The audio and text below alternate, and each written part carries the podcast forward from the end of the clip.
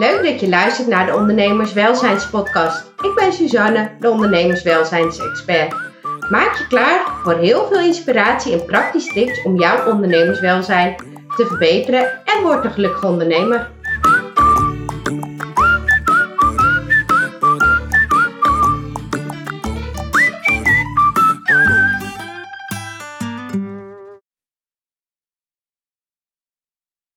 Hoi, nou, leuk dat jullie weer luisteren. Vandaag een podcast samen met Danielle.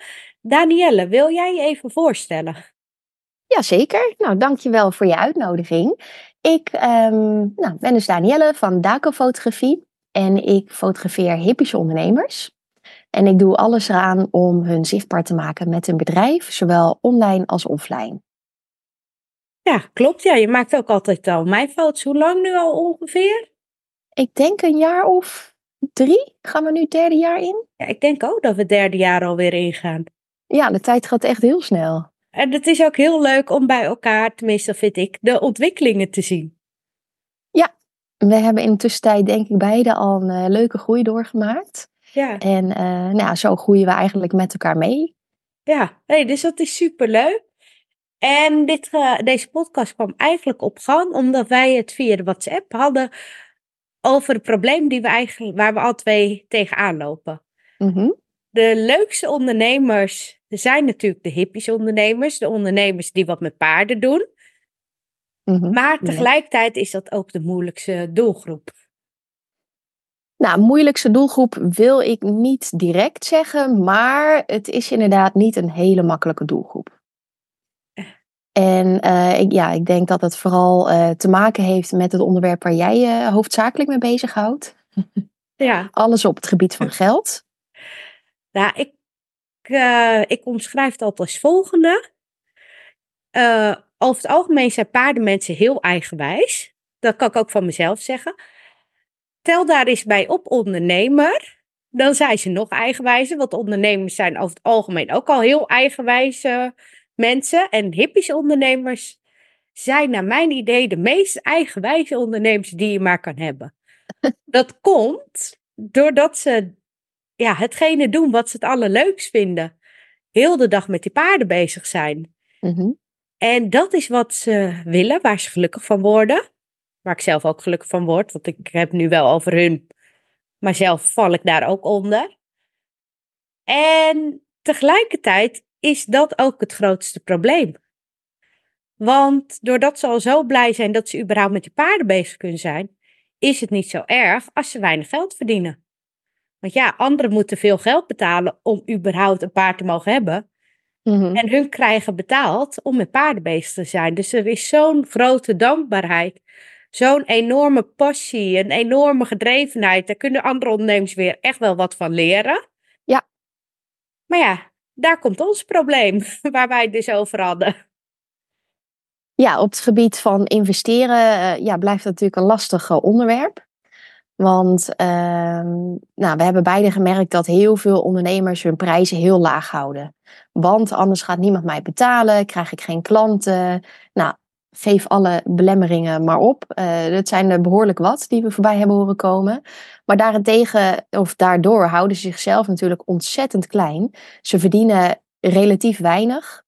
Ja. Sommigen hebben een baan in loondienst ernaast, uh, durven dat niet op te geven, want dan hebben ze ook weer een stukje zekerheid minder.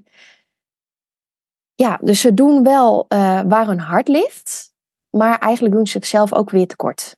Ja, ik heb het uh, wel eens uitgerekend en uh, het is niet schrikbarend, het is niet heel origineel, maar regelmatig komt een uurloon van 3 euro per uur uit. Dus als ik een winst deel tussendoor alle uren die ze werken, mm-hmm. dus dan heb je een soort bruto uurloon, want daar moet eigenlijk de belasting ook nog vanaf. Ja. Ja, daar Ja. kan je natuurlijk niet voor werken. En Nee, dat is logisch dat ze dan geen geld hebben. En zodra ze beginnen, accepteren ze al, daar begint het mee. De standaardzin in de paarden valt geen geld te verdienen.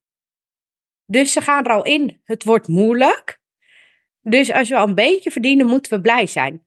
Dus met die insteek begint iedereen ook. Ja. En, En als iedereen dat blijft zeggen, Ja, precies.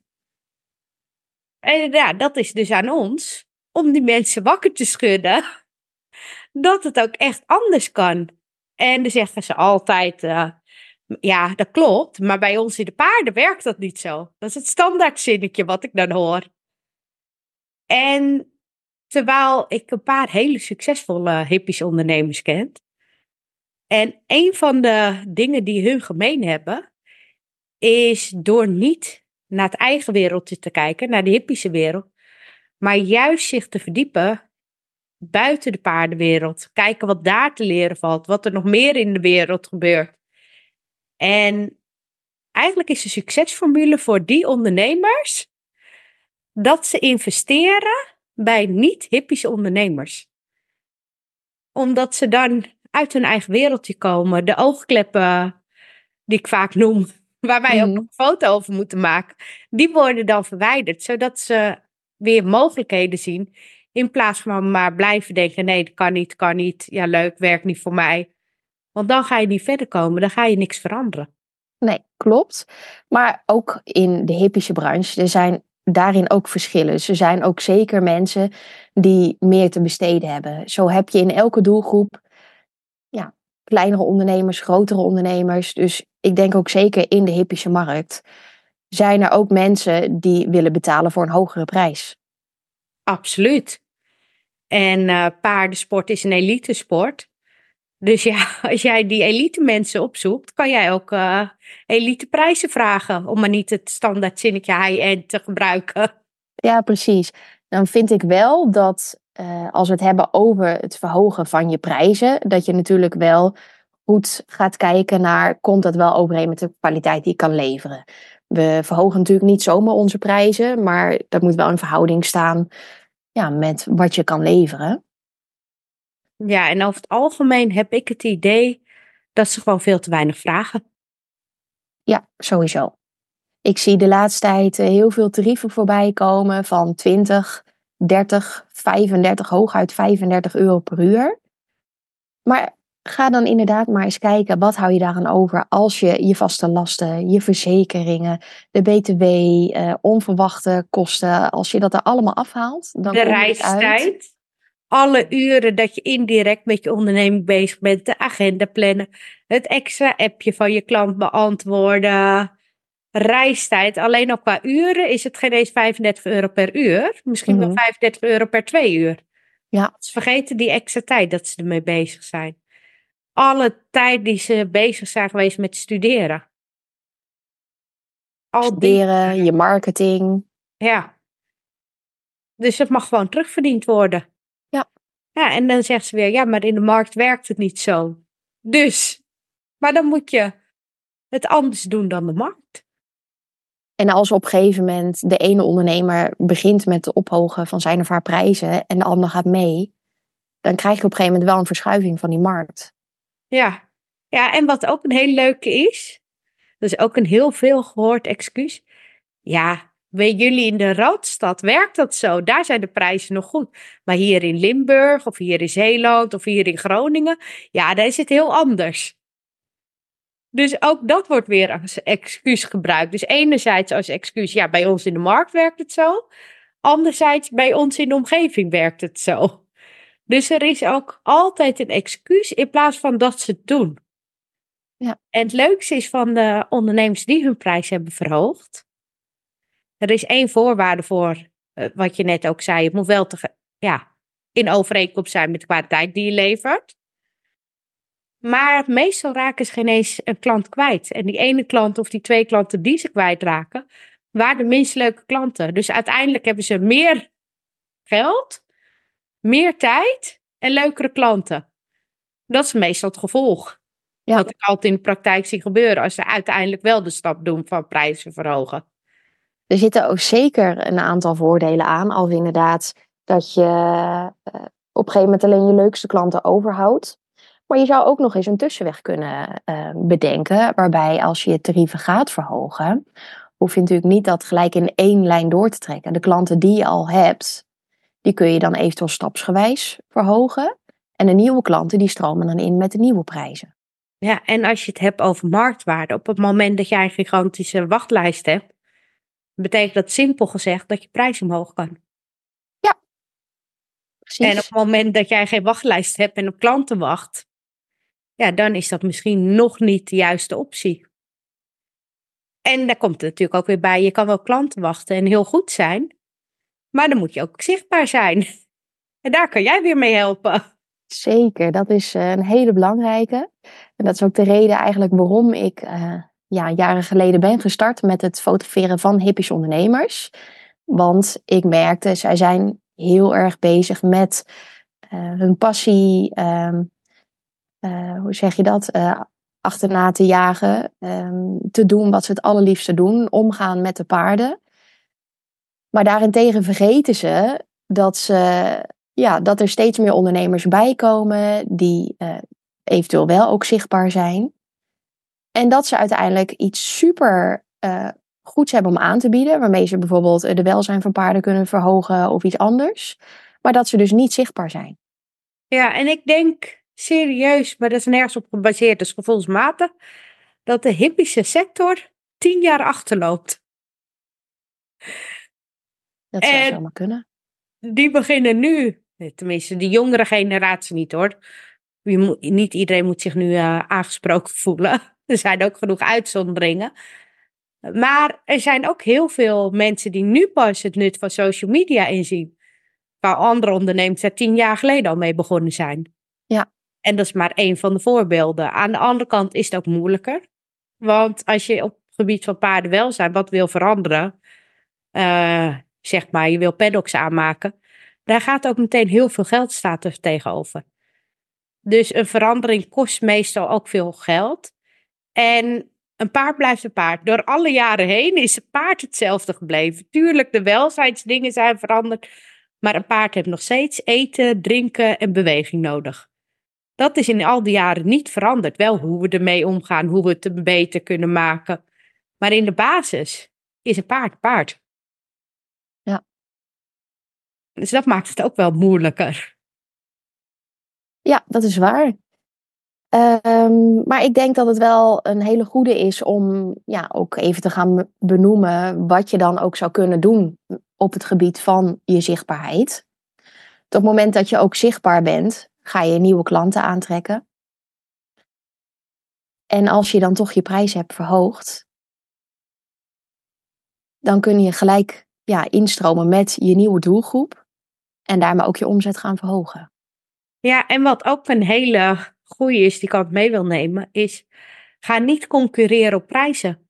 Want er is altijd wel een concurrent die onder je gaat zitten en dan ben je al je klanten kwijt. Dus mm dat je begint met een wat lagere prijs, dus dat je uiteindelijk 20 jaar verder bent, dat is logisch. Je kwaliteit, je ervaring, alles groeit, alles wordt duurder. Dus dat je prijs groeit in de loop der jaren is logisch. Maar als jij heel laag begint, dan komen de klanten bij je voor de prijs. Dus als ze goedkoper vinden, zijn ze ook weg. Dus ze hebben het wel eens over USP's, Unique Selling Points. Mhm. Maar een prijs, een lage prijs, mag nooit een unique selling point hebben. Want dan maak je zelf als ondernemer ontzettend kwetsbaar mee. Eén goedkopere en je klanten zijn weg. Een prijsverhoging en ze zijn weg, want ze zijn niet voor jou of voor jouw kwaliteit. Ze zijn voor jouw goedkope prijs. Dat is ook iets wat ik heel vaak zie bij starters. Ja, ja daar ben ik het helemaal mee eens. Ja, en als ze al bereid zijn om veel te betalen, dan is een kleine prijsverhoging al minder erg, want ze zijn al zo blij met je. Dus ja, dan is de rek ook veel groter. Ja. Als dat ze er alleen maar zijn omdat je goedkoop bent, ja, dan zijn ze ook zo snel weg. En meestal zijn het ook geen leuke klanten. Dat klopt, dat heb ik in het verleden ook gemerkt. Ja, iedereen start natuurlijk met een bepaald tarief. Ja, en dat is logisch. Dat is zeker logisch. En dan kijk je wellicht ook wat meer naar anderen. Van wat, wat voor prijzen hanteren zij. Maar naarmate dat je langer aan het ondernemen bent, dan is het goed om te gaan kijken van oké, nou hoe lang ben ik nu ergens mee bezig? Wat voor kosten maak ik? Uh, dan ga je al je uren berekenen. En dan neem je een uurtarief en dan kom je uit op een bepaald bedrag. En het kan voor elke ondernemer anders zijn natuurlijk. Ja. Ongeacht of dat je hetzelfde doet of aanbiedt. Maar volg erin vooral um, ja, de uitkomst. Ja, wat op jou van toepassing is en niet wat anderen doen. Nee, en zorg dat je ook uniek bent. En laat dat ook weer in je zichtbaarheid zien. In de foto's. Want daarbij help jij hem ook. Want ik liep ook tegen problemen aan dat ik, ehm dat was een persoonlijk probleem. Ja, hippische ondernemers verdienen niet veel. Dus ik moet ook met mijn prijs laag zitten, want ze hebben het al zo arm. Dus wie had het uiteindelijk werd ook arm? Heel zwart-wit gezegd. Ik. Dus uiteindelijk ging ik mee in de visueuze cirkel waar die ondernemers in zitten. Ja. En dan ging ik denken, nou, als ik een andere branche eh, heb, nou, dan kreeg ik dubbele vragen.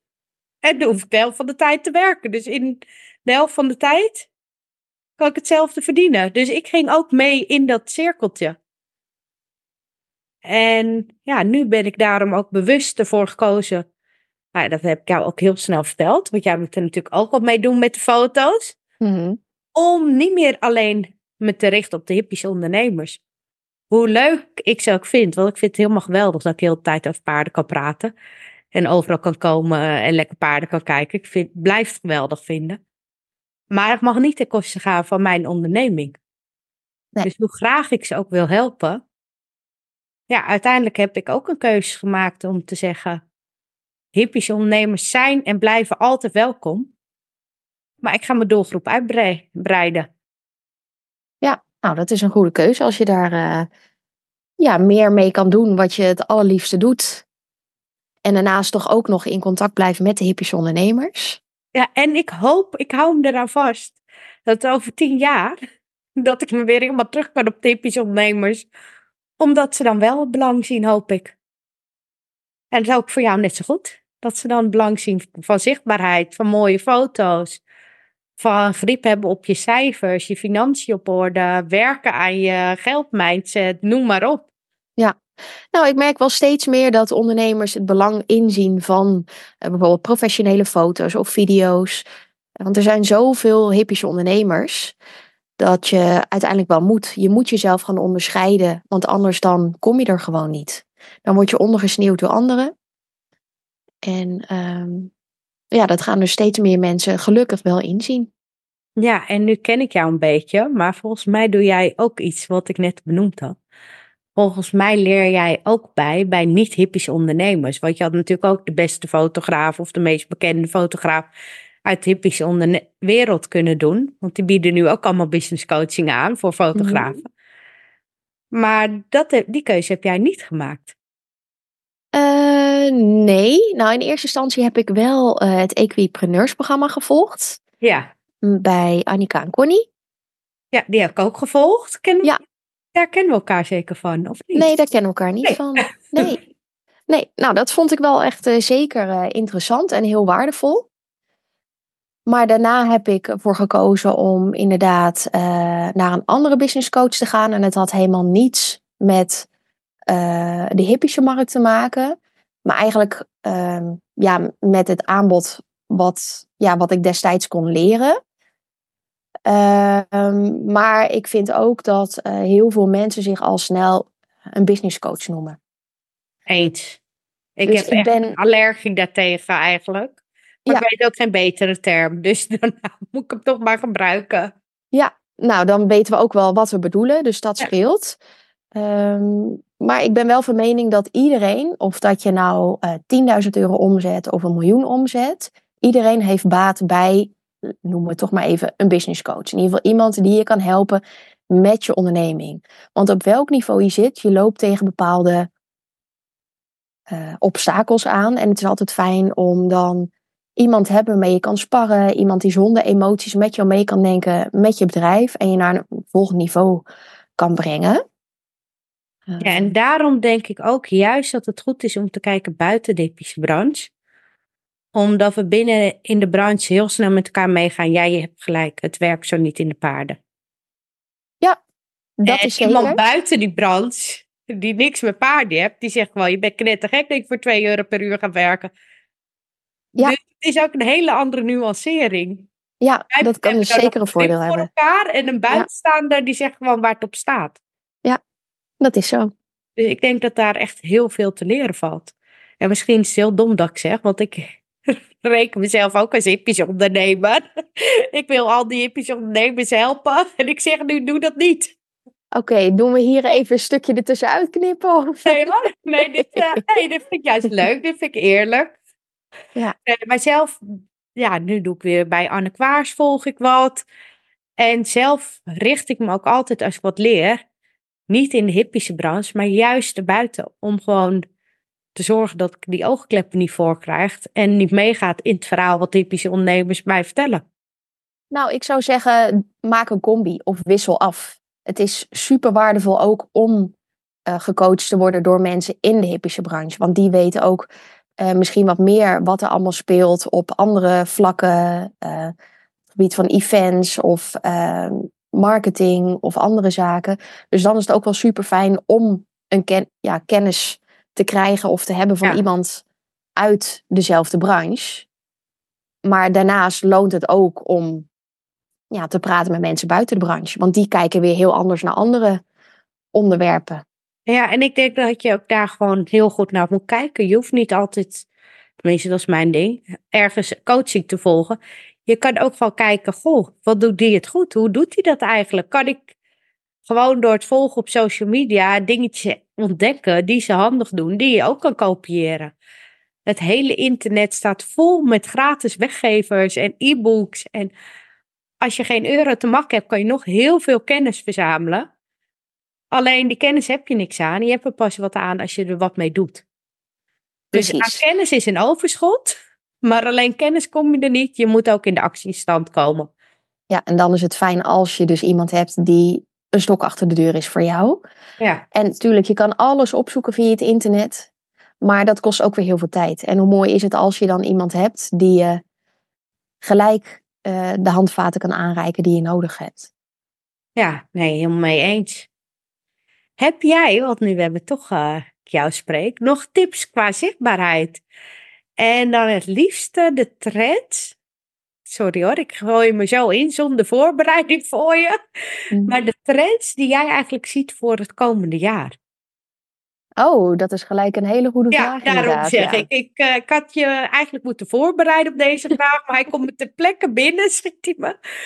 Denk er gerustig even over na. Dan blijf ik wat eh ik luchtledige praten. Heb jij tijd om te denken. Nou, de trends. ehm, ja, ik ben nooit zo van ehm, het voor- voorafgaande aan een jaar bijvoorbeeld kijken naar wat voor trends er allemaal gaan komen.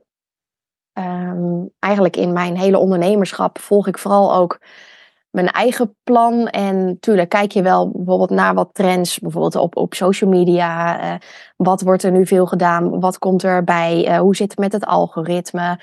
Maar ik denk dat het vooral eventjes gekeken naar de hippische ondernemers die het toch lastig vinden om zichtbaar te zijn. Om vooral ook nu de basis te benoemen. En dat is natuurlijk wel een trend wat zich doorzet ehm, ja, in de loop der jaren. En dat is eh, om te beginnen bij natuurlijk een goed werkende website. Waarin al je informatie staat, je aanbod, je prijzen. Vooral waarmee kun je andere paardenmensen helpen. Een website blijft natuurlijk altijd bestaan. Dus als social media eh, wegvalt, eh, als er een platform ermee stopt of als er een storing is, je hebt altijd je website waarmee je kan terugvallen. Eh, je bent vindbaar als mensen zoeken op Google. Tenminste, mits je een goed werkende website hebt Ja. en, en ze aan de bepaalde eisen voldoen. Ehm, dan is dat in ieder geval een goede basis. Dan de social media. Kies een aantal platformen uit die bij jou passen, waar je doelgroep ook aanwezig is. En zorg ervoor dat je daar consistent zichtbaar bent. En wat betekent consistent? Dat je op een aantal vaste dagen of tijdstippen aanwezig bent. Je laat iets van jezelf zien, van je werk. Wat kan je betekenen? Waarmee kun je mensen helpen? Geef een kijkje achter de schermen. Eh, zorg dat je daar laat zien wie je bent, wat je doet, waar je mee kan helpen. Eh, ga je daar onderscheiden? Dus plaats toffe content. eh, maak, ja, maak het uniek. Ehm, ja, zorg ervoor dat je in ieder geval boeiend bent eh, om te volgen. En ehm, ja, maak daarbij gebruik van professioneel beeldmateriaal. Ik denk dat er, eh, nou, het hele internet staat vol met allerlei telefoon, foto's, filmpjes. Ehm, maar ik denk als je echt je professionaliteit wil laten zien, ook de kwaliteit die mensen kunnen verwachten, kies dan eh, ja, voor een professional die je daarbij kan helpen. En je zo uh, ja, jezelf goed op de markt kan zetten. Ja, en wat jij heel goed doet, wat je nu niet benoemt, is, want dat merk ik altijd, als ik jou inhuur, dan denk je ook mee. Dus kom je op nog veel meer ideeën als dat ik alleen zelf bedenk, oh, deze foto's wil ik. Jij ziet veel meer, jij bent er veel meer mee bezig. Dus jij geeft mij ook heel vaak tips. Doe eens een carouselpost, uh, doe eens een uh, filmpje, je doet weer te weinig rails. Ja, dan kom ik weer heen. Je bent niet zo historisch. ja, dan kom weer tussendoor. Dan krijg ik weer van jou gelukkig een appje. Uh, volgens mij ben je een beetje afgezwakt. ja, ik... Uh... Doe je ook nog. En inderdaad meedenken. Nu ben ik wel de meest gekke ideeën dat ik weer foto's stuur. Ik heb weer een idee. ja, jij bent er op zich wel voor alles in. Dus dat vind ik wel heel erg leuk. Ja. Uh, maar ja, ik ben niet de meest standaard fotograaf. En ik nee, ben niet maar dat alleen maakt een fotograaf. ook wel extra waardevol. Ja. En, Ja, bij mij krijg je meer dan alleen een fotoshoot. Dus Ja. ik denk echt mee met de ondernemer. Dus vandaar ook de strategie-sessie die je voorafgaand aan elke fotoshoot krijgt. Gaan we echt kijken van nou, eh, hoe staat het met je zichtbaarheid? Welke producten of diensten lopen goed? Waar kan er meer aandacht naartoe? Eh, dan gaan we echt een plannetje maken voor een foto- of videoreportage. Om dus je product of dienst echt beter te gaan uitlichten. ja, en dan heb jij af en toe ook niet-typische ondernemers. Ja. Ja, Dus ook, Ook eh, mensen buiten de ja. branche zijn welkom. Ehm, ja, waar uiteraard ook mijn eigen interesse naar uitgaat. Ja. Ja.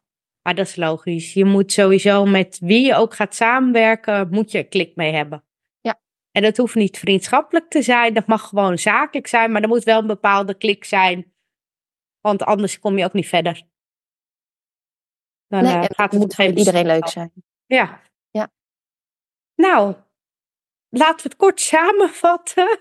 Mhm. Voor alle hippische ondernemers die luistert. Ga alsjeblieft wat doen aan je mindset. Ga je prijzen verhogen. Ga investeren en zie het nut er ook van in.